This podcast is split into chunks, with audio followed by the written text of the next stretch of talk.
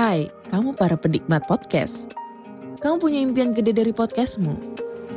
Terus First Story bisa banget bantu kamu. Mulai dari F-Link, Dynamic Audio Insertion, sampai statistik yang komprehensif. Semua ada di First Story. Gak ketinggalan kamu bisa monetisasi podcastmu lewat iklan dari First Story Ads yang bisa kasih kamu penghasilan dari setiap place podcastmu. Yuk gabung sekarang dengan klik di firststory.me. Sekali lagi, klik di firststory.me. Mari kita bawa mimpi podcastingmu menjadi kenyataan. Hello? Hello? Podcast Network Asia. Lisir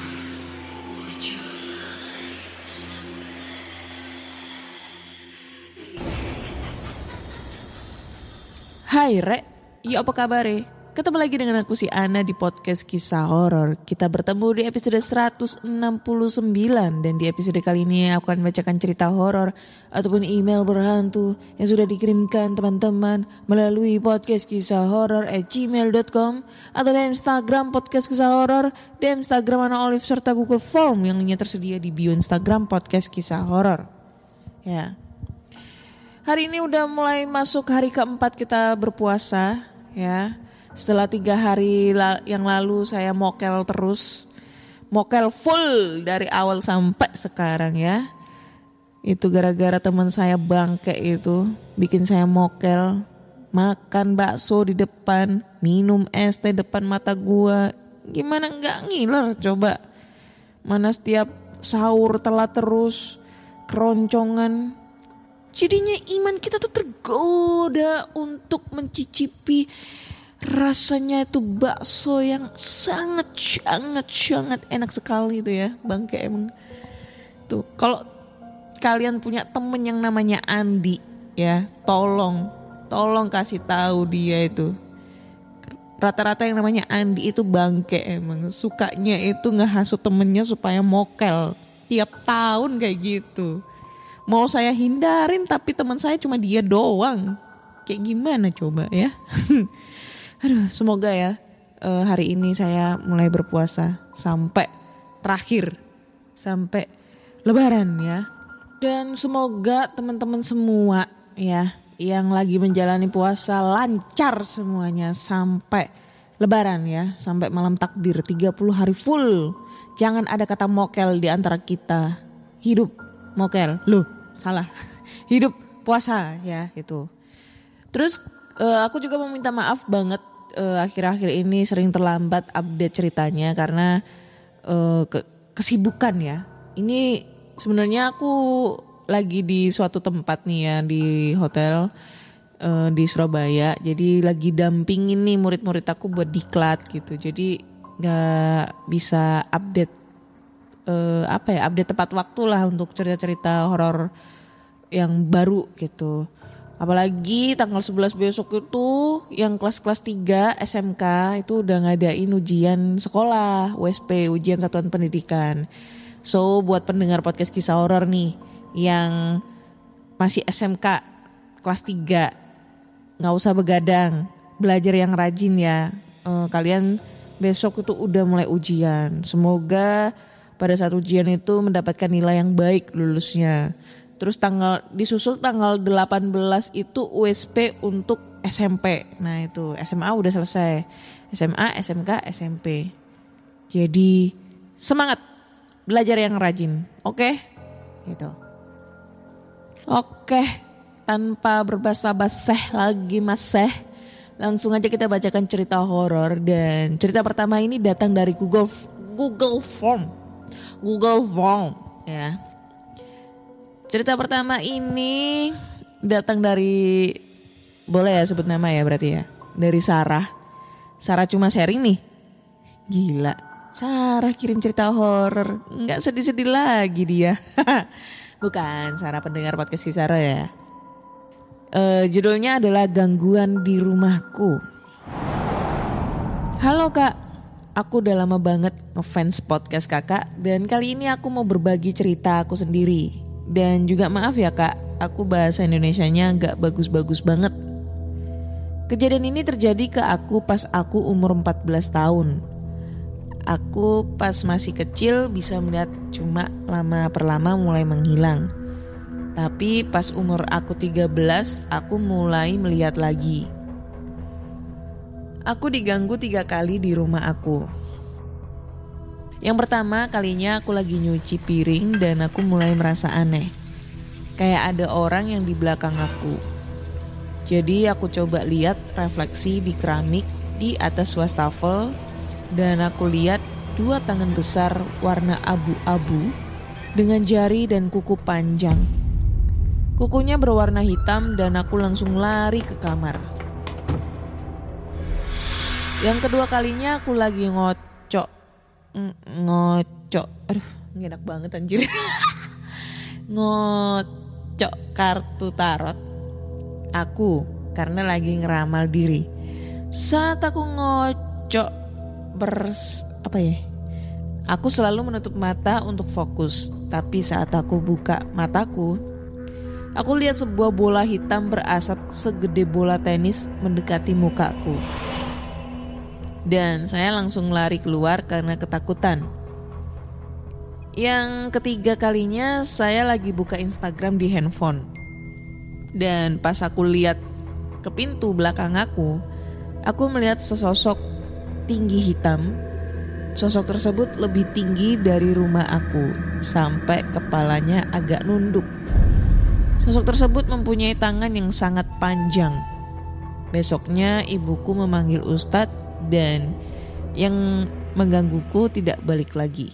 Makasih ya kak kalau dibacain. Ya itu. Oke, ceritanya ini eh, membuatku ya bulan puasa nggak boleh ngujat. Nanti pahalanya berkurang ya. gue gagal fokus sama kata-kata ngocok itu ya ngocok itu kata yang pas ngocok kartu itu apa ya ngocok remi ngocok kartu ngocok ngocok. Aduh. Aduh oh ya apa ya yang, pas ngo- kata-kata ngocok kartu itu? Ngocok kartu. Apa ya? Ngocok. Eh tangan gua kenapa goyang-goyang begini ya? Aduh goblok gua. Ah, puasa puasa ana puasa ana oke fokus. Gila gue ngomong ngocok itu tangan gue refleks pak Gini-gini ngayun-ngayun ngapain coba ya Gue bingung nih kata-kata ngocok yang enak apa Ah bodo amat ya Jadi dia cerita kalau dia ketemu eh, dihantuin hantu di rumahnya. Yang pertama dia ngelihat sosok eh, dua tangan besar warna abu-abu dengan jari dan kuku panjang. Kukunya berwarna hitam dan aku langsung lari ke kamar. Eh, Oke. Yang kedua dia pas ngocok kartu tarot eh dia nutup mata terus pas dia buka ada bola hitam berasap segede bola tenis. Bola hitam berasap segede bola tenis. Ini kalau gua gua ini ya, gua tran- apa ya? menelaah ceritanya. Kalau misalnya ini bola gede, bola gede hitam berasap ini, ini kayak refleksi dari bola mata kita. Apa ya? Kornea, kornea mata kita.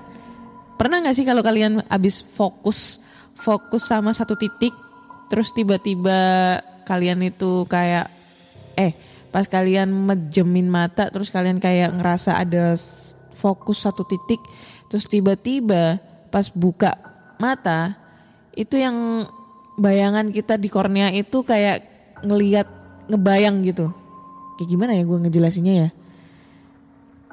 Contoh nih kayak, kayak kalian abis ngeliatin ngeliatin sosok benda. Dan bendanya itu bentuknya kayak bola, ya bola bola gitulah pokoknya. Terus kalian tuh fokus gitu tanpa kedip.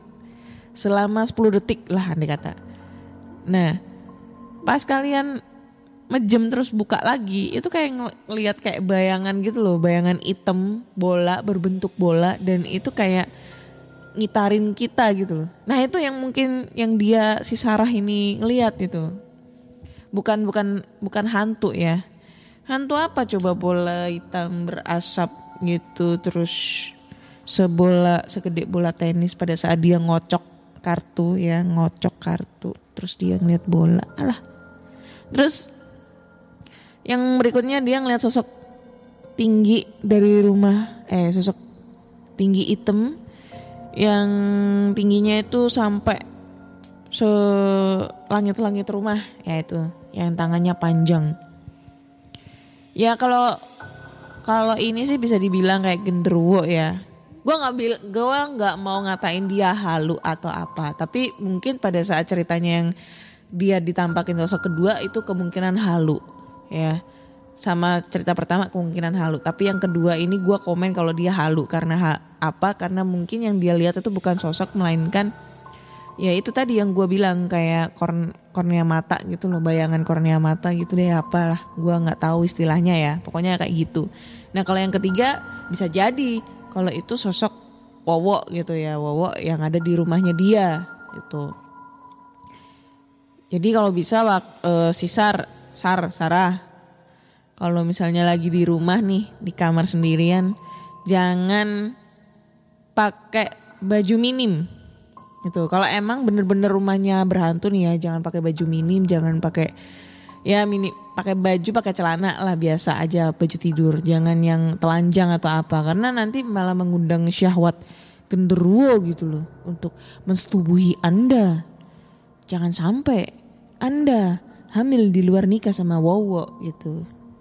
Nanti anaknya jadi Grandong. Eh bukan jadi Tebo. Itu jelek banget kan. Oke lanjut next ke cerita berikutnya. Ini cerita berikutnya dari siapa nih? Oke. Dari Nilam. Judulnya adalah Berdenting. Kisah ini adalah kisah yang baru-baru ini sih terjadi. Dan saya merasa sedikit tidak nyaman kalau hanya berdiam diri. Jadi, eh, jika diceritakan banyak yang mengatakan bahwa itu halusinasi, tapi jika saya diam saja rasanya tidak mungkin. Diawali dengan kegemaran saya sebagai seorang streamer drama Korea di salah satu YouTube. Karena saya masih kuliah dan tinggal di kampung dan sinyal cukup sulit, maka saya sering mencari waktu yang tepat untuk menonton drama tersebut tanpa harus buffering. Setiap pukul satu dini hari, sinyal sangat bagus dan saya memutuskan setiap pukul satu melakukan streaming dan di siang hari ya tidur. Seminggu berlalu, tidak ada kejanggalan apa pun. Semuanya berjalan dengan semestinya. Namun di minggu berikutnya, keanehan mulai terjadi. Saya mengecilkan volume di laptop saya dan mendengar ada suara ting ting ting berdenting. Seperti suara garpu yang dipukulkan pada gelas kaca. Saya menunggu namun suara tersebut semakin keras. Jika di logika jarak dapur dan kamar saya sangat jauh, namun mengapa dentingan tersebut terasa keras? Akhirnya saya memutuskan untuk keluar dan melihat apakah ada tikus atau orang yang sedang berusaha menyusup di rumah saya. Saya pergi ke ruang tamu, namun kosong, tidak ada gelas dan tidak ada garpu. Saya mencoba berlari ke dapur, namun kosong. Gelas masih di tempatnya, dan garpu masih di tempatnya. Aneh, benar-benar aneh. Hal tersebut kembali terulang di setiap harinya, hingga saya sendiri merasa ini sangat tidak wajar. Dan malam tepat pukul 12 dini hari, saya memutuskan untuk tidak ke kamar. Saya menunggu di dapur. Ketakutan yang luar biasa, keringat dingin hingga saya merasa perlu buang air. Saya memutuskan untuk lari ke kamar mandi. Saya keluar dengan hati-hati, namun saya terkejut.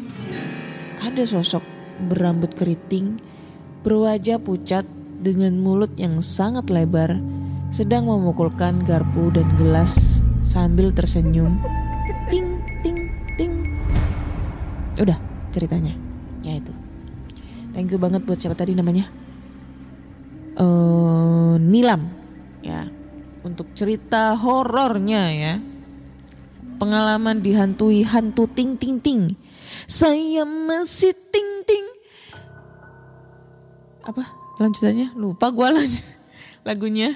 Ya itulah pokoknya. Ini mungkin setannya terindikasi sering lan, apa eh, ngedengerin lagunya Ayu Ting Ting.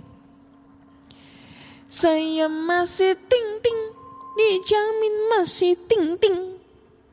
Ya itu, itu makanya dia langsung pakai kode ting ting ting ngasih tahu gue masih ting ting nih masih perawan ting ting gitu kan. Goblok. Ya. Kalau dibilang halu mungkin 50% 50% ya. Karena apa karena pada saat dia bikin eh bikin karena pada saat dia eh, streaming YouTube satu minggu selama satu minggu itu nggak ada kejadian apa-apa berarti dia nonton itu dengan keadaan yang ya yang biasa aja tanpa ada rasa takut. Hingga pada suatu hari dia ngedengar suara ting ting ting. Dijamin masih ting ting gitu kan. Akhirnya timbullah eh, sugesti. Timbullah eh, rasa takut gitu. Yang bisa dibilang dia halusinasi, yang bisa dibilang itu juga real gitu. Kenapa gue bisa bilang kayak gitu? Karena pada saat ini karena mengambil dari pengalaman aku ya. Kalau biasanya aku nonton kalau bulan puasa gini ya, bulan puasa atau ya nggak nggak nggak bulan puasa juga sih kalau misalnya gue lagi nggak bisa tidur, gabut, gue suka nonton YouTube eh kayak YouTube-nya Sarah Wijanarko atau mungkin eh Wijanarko, eh ya bener Sarah oh Sarah Wijayanto Wijanarko. Ngubah-ngubah nama gue disomasi lagi nanti. Kalau nggak gitu nonton horor-horor kayak eh film barat yang mungkin belum pernah sempet aku tonton gitu aku nonton gitu kan. Aku tonton ulang. Yang jelas film barat gitu ya. Nah itu biasanya kadang itu kesuges gitu kesuges dengan dalam otak kita itu misalnya gue ngedenger ngelihat adegan di film tersebut ada sosok hantu di depan pintu. Nah, 5 menit 10 menit kemudian itu gue tersuges sama sosok yang ada di depan pintu. Nah, dalam otak gue itu pasti ngelihat ada cewek lah apa segala macam. Nah, itu yang biasanya sugesti kita yang yang diserap sama jin di sekitar. Terus eh, jin itu berwujud seperti sosok yang ada di otak kita. Kayak gitulah pokoknya. Itu itu bisa dibilang, dibilang halu bisa dibilang bener juga gitu. Kita nggak tahu sih ya. Kalau misalnya gue jadi si Nilam juga pasti gue takut sih dengan ke- keadaan seperti itu. Tapi di satu sisi lain gue juga masih meragukan eh ketintingannya si cewek keriting itu gitu apakah benar dia masih ting ting atau memang dia sudah tong tong gue nggak tahu anjir ya itu Next, lanjut ke cerita berikutnya. Nih, cerita berikutnya ini datang dari siapa nih? Ntar dulu. cerita berikutnya ini datang dari Riyad dari Medan. Judulnya adalah Toilet Rumah Sakit. Assalamualaikum, waalaikumsalam. Halo Kak Ana, semoga dalam keadaan sehat selalu ya. Salam buat para penggemarnya juga. Namaku Riyad dari Medan. Udah pernah ngirim cerita juga sebelumnya tentang kesurupan massal di sekolah. Aku mau berbagi cerita seram lagi nih kak. Pengalaman hororku ini terjadi di tahun 2018 yang lalu. Saat itu, almarhum kakekku sakit dan dirawat di salah satu rumah sakit di Medan. Aku nggak bisa menyebutkan apa nama rumah sakitnya. Pokoknya rumah sakit tersebut udah lama dan terkenal angker gitu. Sebelumnya almarhum kakekku udah dua kali dirujuk untuk dipindahkan ke rumah sakit yang lain. Karena keterbatasan alat dan hal-hal lainnya. Penyakit kakekku itu kulitnya berubah jadi agak warna kuning gitu. Terus badannya jadi kurus. Aku lupa detailnya gimana. Pokoknya seperti itulah kak. Jadi waktu itu aku datang berkunjung untuk menjenguk kakekku sama keluarga yang lain juga. Lumayan rame lah. Oh iya, kedatanganku ke rumah sakit ini perdana dan aku penasaran sekali dengan rumah sakit tersebut. Jadi setelah bertemu dengan kakek, aku dan kakak sepupuku berniat untuk berkeliling sebentar. Kami jelajahi satu-satu setiap lorong yang ada. Bangunannya terkesan tua dan lumayan menyeramkan. Hingga hari sudah sore dan beberapa keluarga memutuskan untuk pamit pulang. Saat itu aku dan kakakku disuruh untuk menginap satu hari di sana sekalian untuk menemani nenek yang menjaga kakek. Kalau nggak salah hari itu hari Sabtu. Karena besok libur, makanya aku menuruti saja permintaan mereka. Di kamar kakek hanya ada kami berempat saja. Kamarnya juga lumayan luas dan langit-langitnya lumayan tinggi. Ruangan pasien di sini kayak asrama, banyak pepohonan. Areanya luas juga. Bukan seperti gedung rumah sakit yang bertingkat. Saat itu di jam 7 malam, datang salah satu perawat untuk mengecek kondisi kakek dan memberikan makan malam juga. Aku dan kakek bercerita hingga tak terasa sudah jam 9 malam. Dan nenek menyuruh kami untuk makan malam. Kakak mengusulkan untuk cari makanan di luar di sekitaran rumah sakit saja. Aku pun mengiyakan Pas kami keluar kamar menuju depan rumah sakit, cuaca malam itu terasa dingin dan seperti ingin hujan. Kami bergegas segera, segera keluar supaya tidak kehujanan nantinya. Gak butuh waktu lama, ada tukang sate yang berjualan di seberang jalan sana. Kami menyeberang dengan mudahnya karena saat itu sepi sekali kendaraan yang lewat. Setelah selesai makan, kami pun bergegas kembali lagi ke kamar kakek. Tapi nggak lama turun hujan yang lebat dan membuat pakaian kami basah sedikit. Jalan pun kami percepat hingga udah sampai di lorong rumah sakit. Berjalan menelusuri lorong yang lampunya remang-remang, ditambah suasana yang lagi hujan, membuat suasana semakin menyeramkan. Sebelum masuk ke kamar, kakakku meminta untuk ke toilet sebentar. Aku pun mengikutinya, karena sekalian buang air kecil juga. Kami cari tuh toilet terdekat, dan sesampainya di sana, lampu kamar mandi tersebut hidup mati hidup mati. Karena takut, kami tidak jadi untuk ke kamar mandi tersebut dan mencari lagi kamar mandi yang lain dan sama halnya seperti yang tadi. Kamar mandi kali ini lampunya juga hidup mati hidup mati. Sampai kamar mandi yang ketiga begitu juga. Mau bertanya ke orang tapi di situ sepi.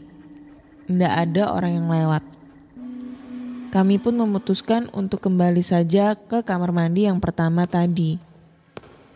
Sesampainya di sana, kakakku memberanikan diri untuk masuk duluan ke sana, sedangkan aku menunggu di luar. Selang beberapa menit, dia pun keluar.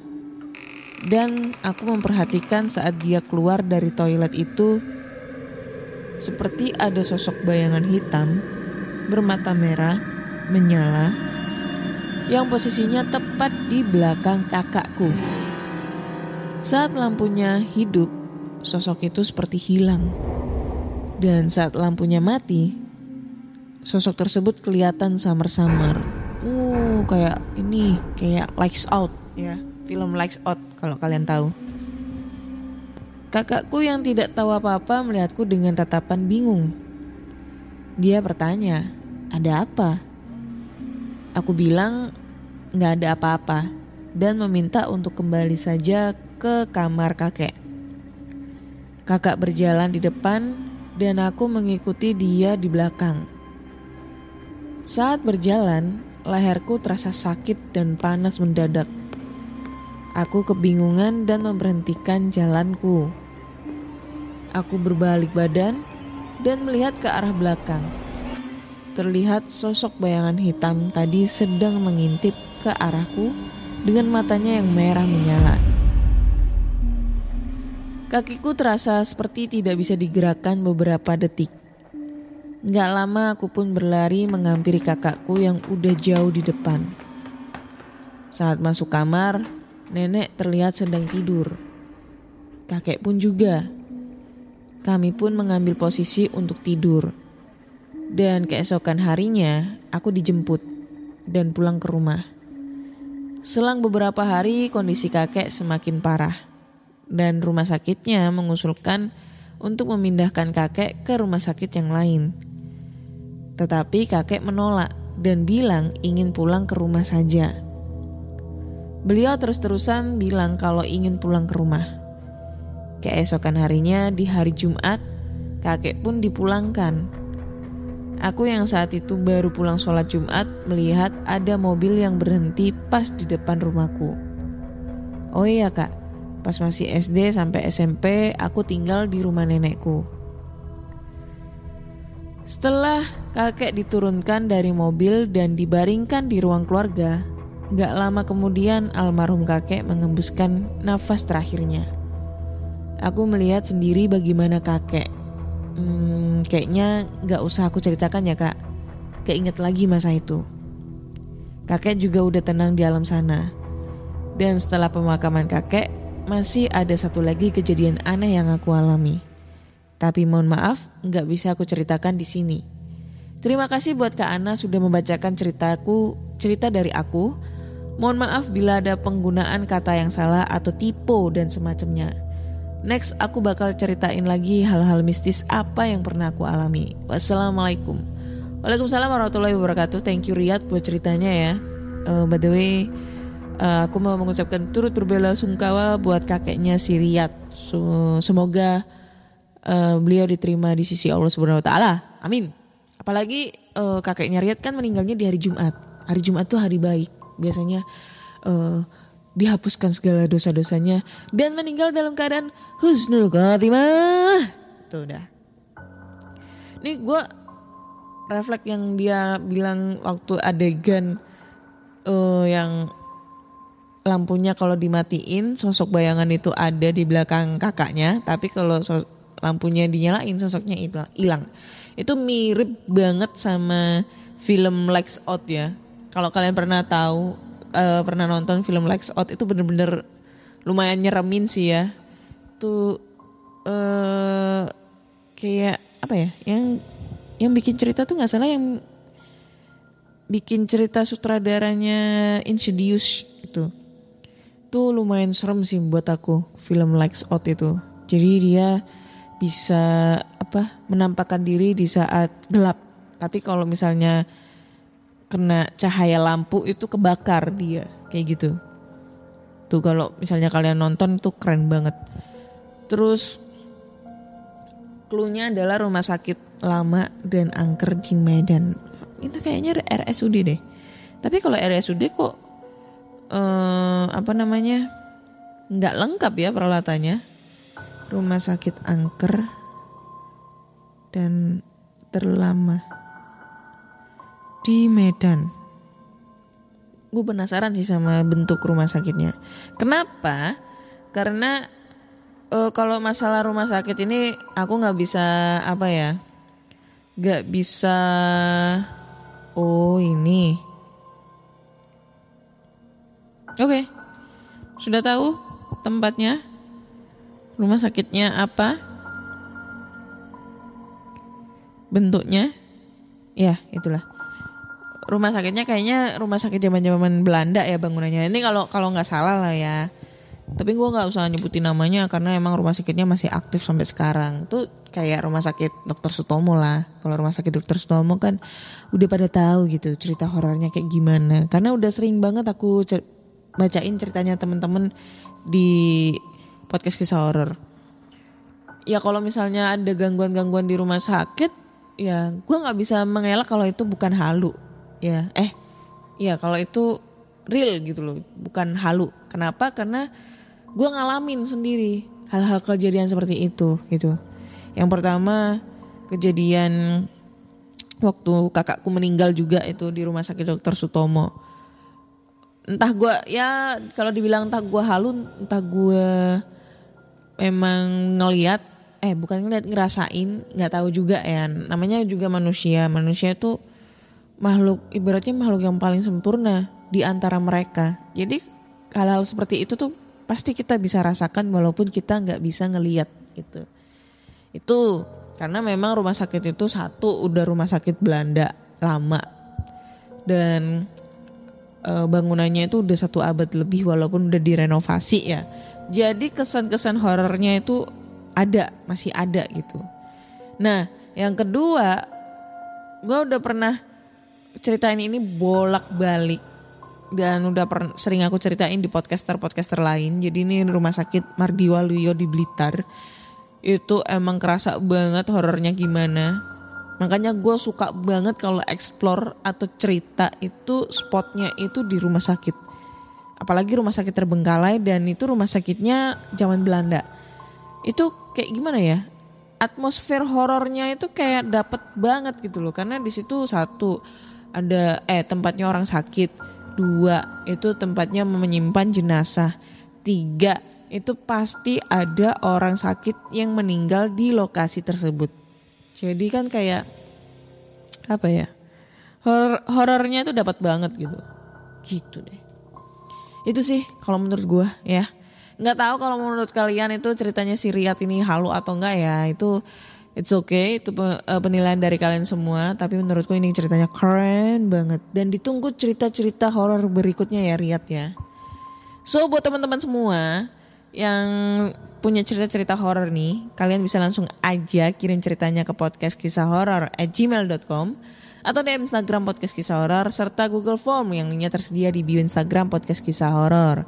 Jangan lupa juga dengerin podcast kisah horor di Spotify, Google Podcast, Apple Podcast, dan di Noise. Jangan lupa kasih bintang 5 di Spotify dan tinggalin komentar kalian di Noise. Karena sekarang Noise udah bisa ngasih komentar nih. Kalian udah bisa ngasih komentar di setiap episodenya. Nantinya pasti aku bacain nih komentarnya di setiap episode terbaru. Akhir kata saya Ana undur diri. Selamat menunaikan ibadah puasa dan bye-bye.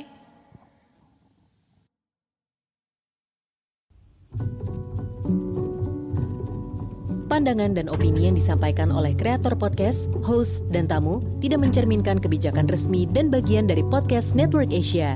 Setiap konten yang disampaikan mereka di dalam podcast adalah opini mereka sendiri dan tidak bermaksud untuk merugikan agama, grup etnik, perkumpulan, organisasi, perusahaan, perorangan, atau siapa pun dan apa pun.